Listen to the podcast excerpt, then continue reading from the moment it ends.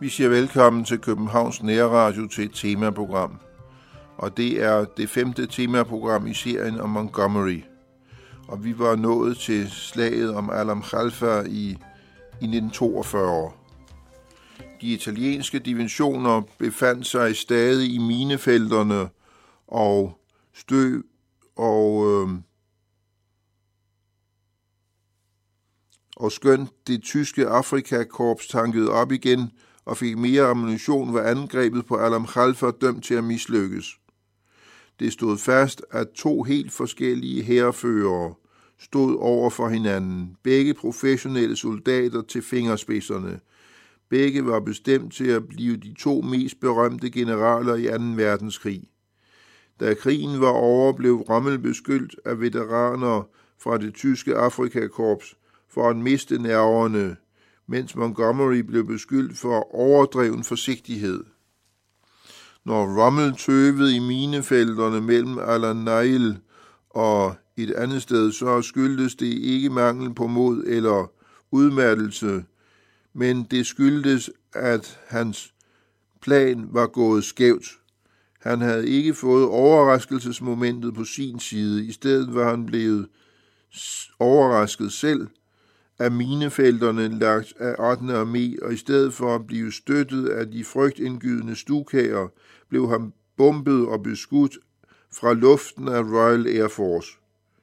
Kl. 13.00 begyndte Rommel at angribe igen, efter at Afrikakorpset havde tanket op på ny og fået frisk ammunition. Samtidig blæste en sandstorm op, så Royal Air Force måtte blive på jorden.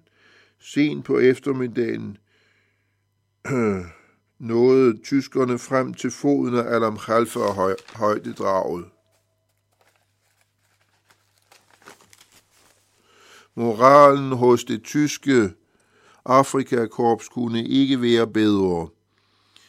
Øhm, deres Mark 3 og Mark 4 kampvogne var uovertrufne. De havde kæmpet sig 2.000 kilometer gennem ørkenen, til de stod ved Ægyptens hovedstad og havnebyen Alexandria inden for rækkevidde. Nu fyldte 100 og atter 100 af tyske tanks ørkenen. Det, der nu skete, var set ud fra Montgomerys synspunkt, at hans teorier om forsvar og herledelse vandt. Den engelske her plejede at reagere langsomt, men sådan var det ikke denne gang. Det umulige skete, at det tyske Afrikakorps blev stanset fuldstændigt, og det var præcis det, der skete. Montgomery noterede i sin dagbog, at natten, at mellem kl. 12 og 16 var to fjendtlige armerede divisioner i eller omkring Vajil-lavningen og kunne ikke røres på grund af sandstorm. Royal Air Force var ikke var ude af stand til at gå på vingerne. Det var en katastrofe. Klokken 17 fjenderne Findernes panser rammer 22. brigades position. Det var et intensivt angreb. Det blev mødt af 22. pansrede brigade på et af dem selv valgt sted og blev slået tilbage med store tab til følge for fjenden. Ronald, Rommel var lamslået. Han kunne ikke forstå, at britiske kanoner og artilleri havde gravet sig selv ned i sandet og kunne ikke forstå, at fjenden ikke kom ud og angreb ham. For at spare på brændstof og lokke englænderne til at angribe, trak Rommel sig tilbage. Men Rommel blev skuffet. Han sagde til Kesselring den næste dag den 1. september, svinet angriber ikke. Tyskernes Mark 4 tanks havde en 75 mm kanon, der var meget mere effektiv end englændernes 75 mm kanon, og udslettede en hel division af vores Grand Tanks meget effektivt. Bernard øh, noterede i sin dagbog, at det var ved at møde fjenden på positioner, vi selv havde valgt, at 8. armé så succesfuldt stansede Rommels angreb. Montgomerys underordnede kunne ikke forstå og blev frustreret over, at de skulle forblive i deres nedgravede positioner. Det kunne Montgomerys underordnede ikke begribe. Hele natten lang blev panserarméen bombarderet. Børner skrev i, en, i sin dagbog fra natten den 31. august til 1. september 21.00. Støvet har lagt sig, og Royal Air Force er begyndt at bombe. Der var en koncentration af omkring 2.000 tanks og en anden på 1.000 tanks, som blev bombet hele natten. Rommel skrev i sine memoarer, at fly kastede lysbomber om natten, og RAF, RAF øh, bombede fra de andre maskiner. Snart brændte vores køretøjer voldsomt, skrev Rommel. Det berømte tyske Afrika, Afrikakorps lå neden for Alam højdedraget. Neden for de nedgravede engelske tanks og antitankkanoner og støttende artilleri fra den 22. brigade. Ved siden af dem lå endnu en brigade med Valentiner-tanks mod syd en armeret brigade med Cranks tanks og på selve højdedraget 44. 20. division nedgravet med minefelter, pigtråd og endeløs artilleri. Alam Khalfa var uindtagelig. Panserarmeen kunne kun håbe på at trække sig tilbage den samme vej, som de var kommet. Den 1 september tillod Rommel nogle få angreb, men i hjertet vidste han, at slaget var tabt. Kesselring beklagede sig til Hitler. Det var et mysterium, at Rommel ikke fortsatte. Vi havde slået englænderne på flugt, og vi skulle bare forfølge dem. Officielt trak tyskerne sig tilbage på grund af mangel på brændstof, men som Kesselring hånligt bemærkede, så var der brændstof nok til, at alle tanks kunne køre tilbage. Rommels, nej, Montgomery blev bebrejdet, at han ikke le, le, leverede et nådestød og et kutte græs til Rommel. Men det er et spørgsmål, der hører militærhistorien til. Rommels professionalisme fortalte ham, at det at fortsætte slaget ved Adam Khalfa ville fører til nedslidning og udslettelse. 9. australske division lavede et afledningsangreb i den nordlige del af Alamein, linjen med kodenavnet Bulimba. Angrebet blev foretaget af en australsk bataljon støttet af en deling tanks. Angrebet startede kl. 5.35. Montgomerys dagbog. Australierne angreb før daggry. Der blev slået et hul i fjendens linjer. 100 tyske krigsfanger blev taget. Fjenden satte et modangreb ind efter daggry. Modangrebet var voldsomt. Heavy, står der på engelsk.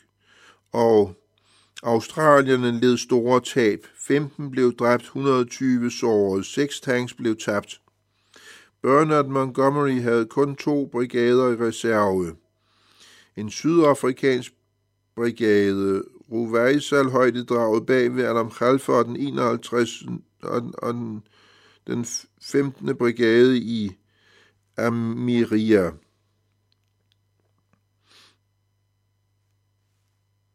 Eller er det 151. 7. brigade? Nå.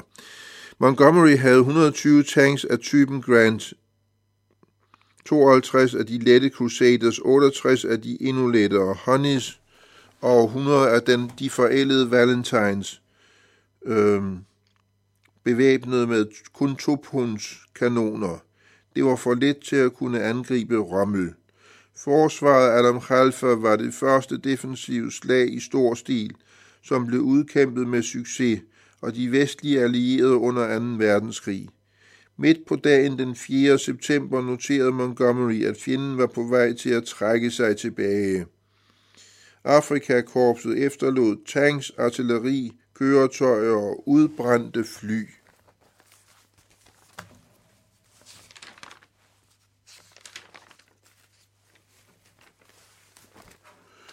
Mr. Wendell Wilkie, som overnattede ved Burg al-Arab, blev vist rundt langs fronten den næste dag af Montgomery, og det var et stolt øjeblik for den 8. armés kommandør at vise den amerikanske præsident en tysk her på fuld tilbagetog, hvilket blev taget med storm af den nye kommandør for den 8. armé, hvilket skrev, den seje, lærte, intense og næsten fanatiske personlighed, som general Montgomery havde, gjorde et dybt indtryk på mig, mens jeg var i Ægypten, men intet karaktertræk var mere bemærkelsesværdig end hans passionerede hengivenhed til at arbejde.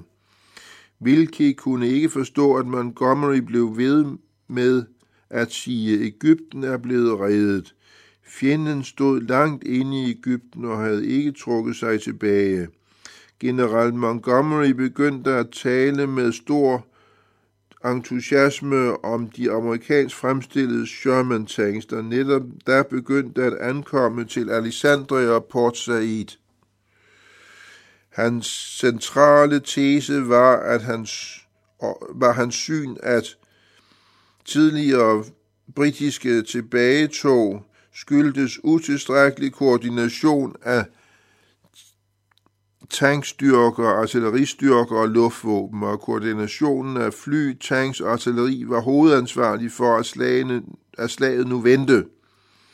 Da Wilkie spurgte Montgomery, og Rommel sagde, om, om Rommel sagde han, Rommel er en trænet, dygtig general, men han har en svaghed. Han, han gentager sin taktik, og det er derfor, jeg vil slå ham.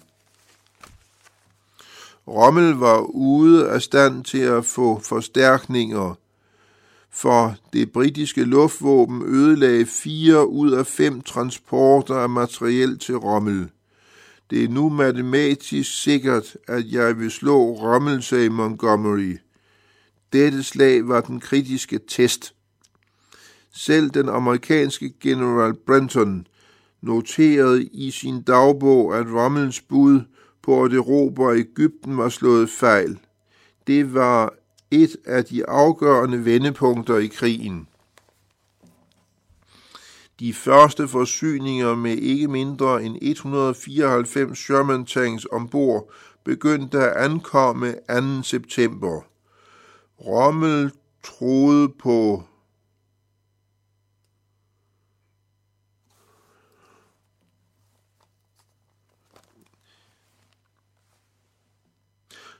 Rommel troede på styrken i Alamein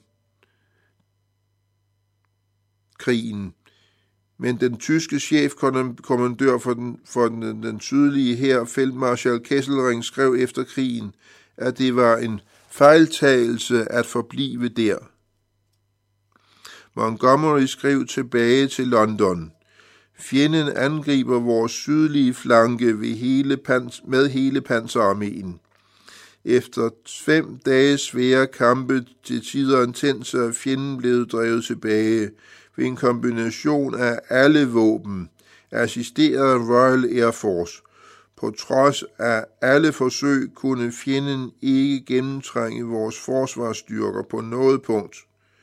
Montgomery indkaldte til pressemøde. Ægypten er reddet. Rommel øh, stanset, og en begyndelse er gjort til at smide nazisterne ud af Afrika. Journalisterne var skeptiske.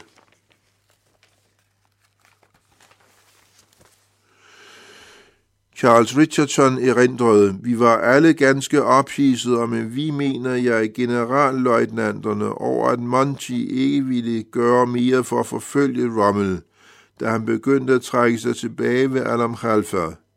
Men set i bagspejlet havde han ret. Montis argument var, at styrken ikke var blevet trænet tilstrækkeligt til, at Rommel kunne til at Rommel ikke kunne spænde ben igen.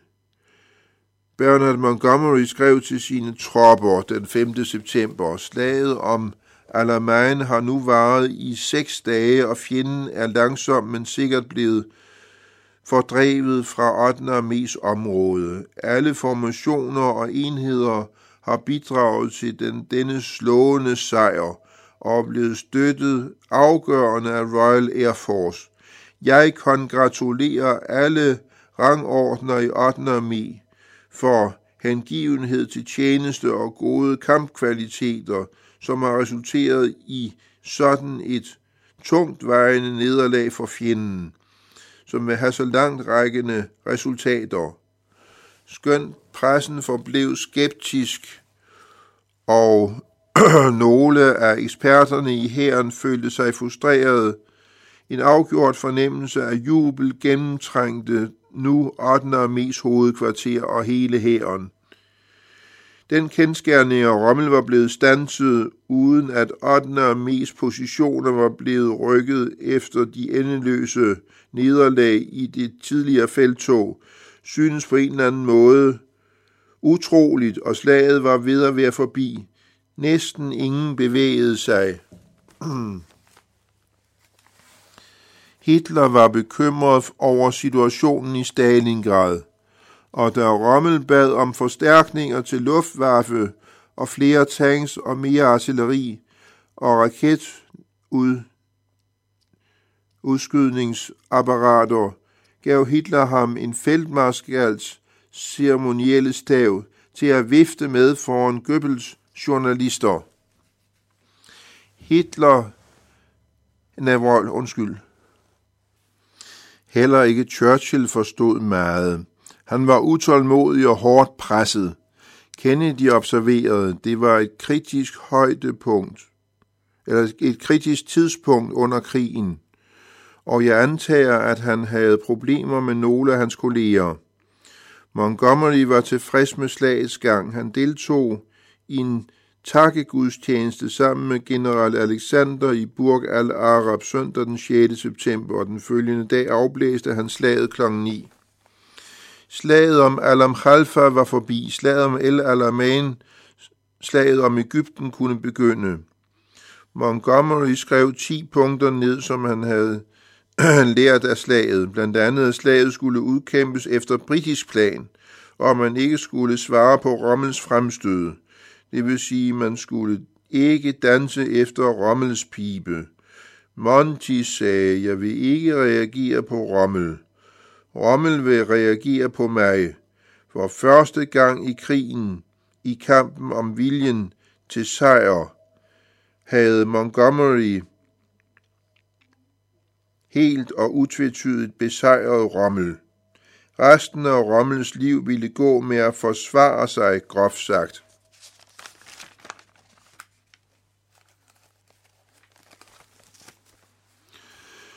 Psykologisk knækkede Alam Khalfa Rommel. 12 dage senere blev Rommel sendt på rekreation i Tyskland, så han kunne komme sig. Bernard Montgomery nægtede at angribe Rommels overlegne tanks med sine medium tanks, og dermed satte Montgomery sin vilje igen og fratro Rommel sit eneste håb om succes. Montgomery fandt ørkenen og sin kamp mod Rommel så nervestyrkende, at han følte sig bedre, end han havde gjort i overvis. Montgomery skrev et brev til sin søns værve i England, hvor han forklarede, at i de første tre dage havde Rommel haft initiativet. Men fra den 2. til den 6. september overtog han det og drev Rommel tilbage. Truslen mod Ægypten var blevet fjernet. Jeg nød hvert et minut af slaget. Sig til David, at jeg blomstrer og nød at bekæmpe Rommel. Yours ever Monty. De første Sherman tanks var begyndt at ankomme, og en minerydningstank var blevet introduceret. 8. armé havde vist sit værd i et defensivt slag med koncentreret angreb. Nu måtte det vise sit værd i helt offensive slag. Efter Efter Alam Khalfa begyndte Montgomery at erstatte cheferne for herreafdelingerne med nye folk, som han havde tillid til. Montgomery overtog selv træningen af officererne i 8. armé. Montgomery skrev om kampånden.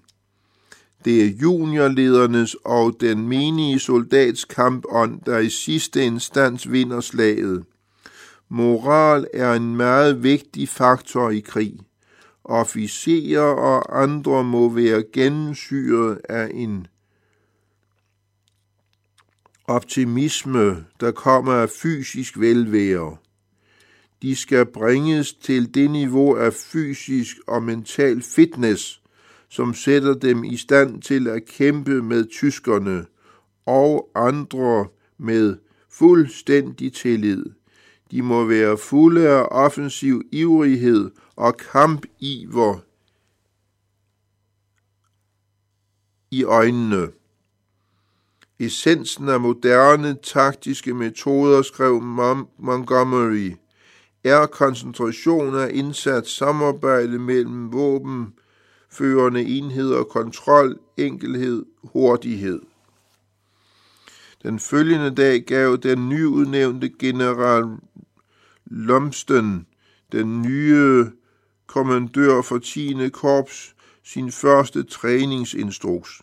Den påbød, at 8. armés træningsmemorandum nummer 1 skulle læses en gang om ugen og studeres omhyggeligt af alle kommandører ned til delingsførere. Montgomery instruerede, denne krig kan ikke ende i vores favør, før vi har dræbt tilstrækkeligt med tyskere. Det er vores pligt at dræbe et maksimalt antal tyskere med et minimum af tab. Det vil afhænge af os, hvordan krigen i Nordafrika ender. Montgomery instruerede vigtigheden af træning kan ikke overdrives. Det er grundlaget for succes. Hvis tropperne er veltrænede og under kommandørernes fulde kontrol, hvis signalerne er effektive og officererne kender deres jobs og er erfarne med at håndtere deres egne enheder og underenheder, men også styrker fra andre våben, så kan enheden eller formationen have tillid til succes på slagmarken. I de mobile enheder er de yngre ledere afgørende. Der er, det er disse kommandører, de vinder slagene. De må derfor frem for alt og til alle tider lære at observere. Hans styrke må være godt trænet i at køre i vedligehold og i at marchere. De må også være godt trænet i våbenbrug, for så at de dræber, når de skyder. Montgomery lagde en videre vægt på, hvordan man kom igennem et minefelt, hvordan hovedkvarter for, for den enkelte enhed og organisere rekognoscering i samarbejde med Royal Air Force, hvordan man neutraliserer fjendens kanoner på deres tanks, hvordan man skaffer nye, ny ammunition til mobile enheder, antitankskanoner, infanteri. Intet blev overladt til tilfældigheder. Så William Mather, som havde været i ørkenen siden 1940, blev såret i 1942 i løbet af sommeren og var på hospital i tre måneder. Så ville Montgomery have ham som forbindelsesofficer i 8. armés hovedkvarter. Det var Mather ikke meget for, så han bad om at måtte blive på hospitalet nogle dage endnu. Så blev slaget om Alam Halfa udkæmpet. Så kom der ordre til hospitalet om, at Mather skulle arresteres. Så kom Mather til 8. armés hovedkvarter, hvor Montgomery sagde til ham, Du simulerede syg. Det var det mest forbløffende ved Monty. Han vidste alt om, hvad han havde været ude på. Montgomery sagde, så du tror, at det er bedre at være brigademajor for første armerede brigade, end at være en af mine forbindelsesofficerer. Så accepterede Mather jobbet. Mather sagde, han var professionel, meget mere professionel. Vi troede alle, vi var professionelle, men Monty var en klasse for sig. Han kendte alle seniorofficererne ved navn. Han blev kendt som master, men blev også kaldt oraklet. Oberst Charles Richardson spurgte ham før slaget ved Alamein, hvad tabstallene ville blive, og Montgomery svarede 13.000, og det blev tilfældet på nogle få hundrede nær. Det var tallet på dræbte, sårede og savnede. Så William Mather huskede 13. september 1942, seks dage efter Adam Khalfa. Montgomery gik frem og tilbage, ligesom Napoleon med hovedet sænket, og alle sagde, mesteren føder. Så gik han tilbage til sin campingvogn og skrev instrukser til Alam, Alamainslaget på 14 sider på fire timer. Det var det. Det blev ikke ændret.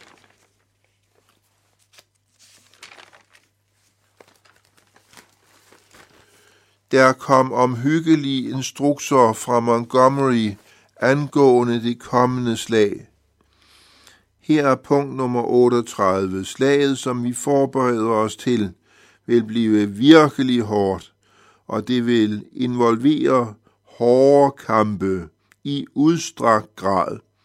Hvis vi vinder, vil det betyde enden på krigen i Nordafrika, bortset fra nogle oprydningsoperationer. Det vil blive vendepunktet for hele krigen.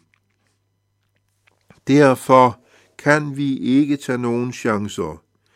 Den masterplan, som, som stod klar ved Alamein-slaget, var alene Montgomerys, hvilket blev bekræftet af Oberst Richardson. Ligesom Rommels Alam plan var denne ekstremt ambitiøs. Så meget desto mere som Bernard Montgomery ville angribe fjenden, hvor han var stærkest.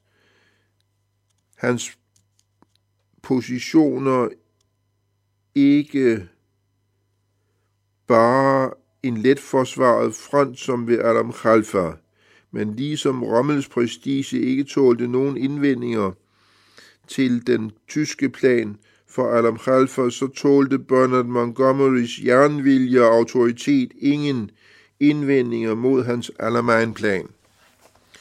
Churchill var meget utålmodig og ville have et angreb i september, men det afviste Montgomery, fordi så ville tropperne ikke være trænet tilstrækkeligt. Men hvis man angreb i oktober, så var fuldstændig sejr sikker. Churchill protesterede, men accepterede det uundgåelige, da Montgomery præsenterede kendskærningerne. Han var enig. Churchill stod under ekstrem politisk pres i september 1942. Stafford Cripps leder underhuset meddelte 21. september, at han ønskede at træde tilbage i protest mod den måde, Churchill ledte krigen på. Churchill havde overlevet mistillidsvotum, men var ikke sikker på at overleve, hvis der kom et nyt. Brendan Brecken, informationsminister, sagde, det kan, det kan være vanskelige, vanskeligheder på vej. Premierministeren må vinde slaget i ørkenen eller forlade sin post. Det var ikke så underligt, at Churchill havde ondt i maven.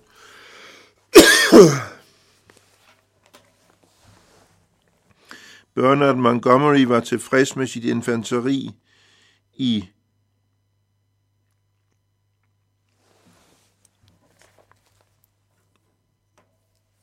i, i øh, den sidste uge af oktober var det gennemtrænet og klar til sin rolle, ligesom artilleriet var det. 8. armés efterretningsvæsen fortalte, at Rommel havde taget havde lagt en halv millioner miner ud. Denne kendskærning tvang Montgomery til at genoverveje sin taktiske plan. D-dag blev fastsat til den 23. oktober, kun to og en halv uge senere. 8. armé havde ingen intentioner om at gennembryde minefelterne med en halv million miner. De ledende officerer var på randen af mytteri. En operation Torch of og øh, forsvaret af Malta var på spil. Montgomery gjorde det eneste, han kunne gøre. Han ændrede planen. Montgomery skrev sin dagbog. Da vi nåede den første uge i oktober, var jeg tilfreds med ledelsen.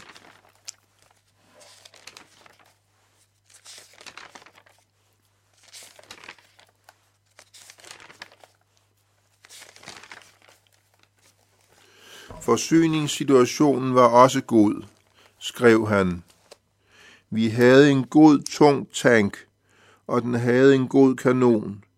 Vi havde et tungt artilleri og masser af ammunition.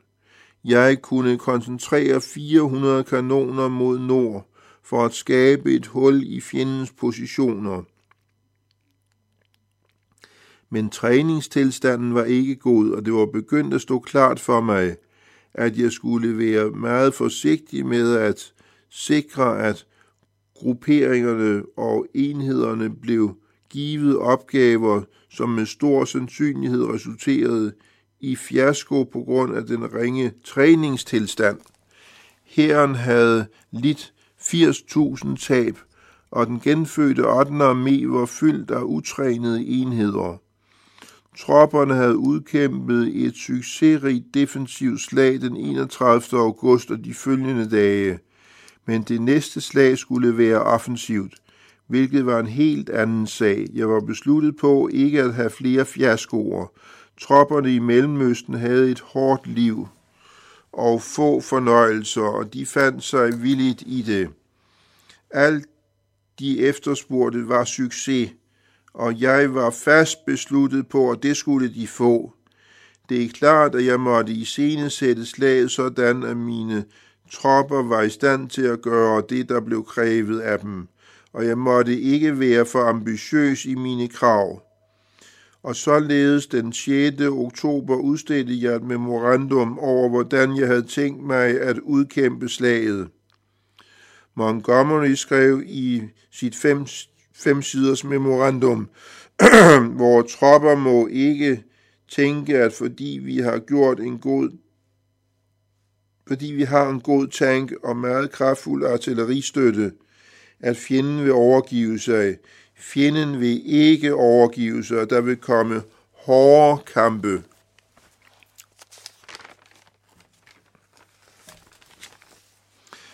I infanteriet må være forberedt på at kæmpe og dræbe, og at fortsætte med det over en lang periode.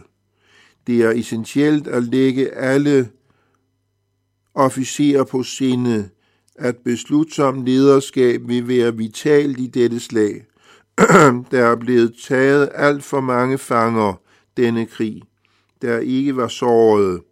Vi må pålægge vore officerer, at når de bliver afskåret omringet, og der ikke synes noget håb om at overleve, så må de gruppere sig på et defensivt sted og holde ud der, hvor de er. Ved at gøre det vil de bidrage enormt til fjendens vanskeligheder. Det vil i høj grad bistå udvikling af vores operationer, og de vil spare sig selv for at skulle tilbringe resten af krigen i en fangelejr. Intet er håbløst, så længe tropper har tabre hjerter og våben og ammunition. Vi kan desværre ikke nå mere. Jesper Sten Andersen slutter for denne gang om Montgomery og siger tak til lytterne, som er fulgt med indtil nu.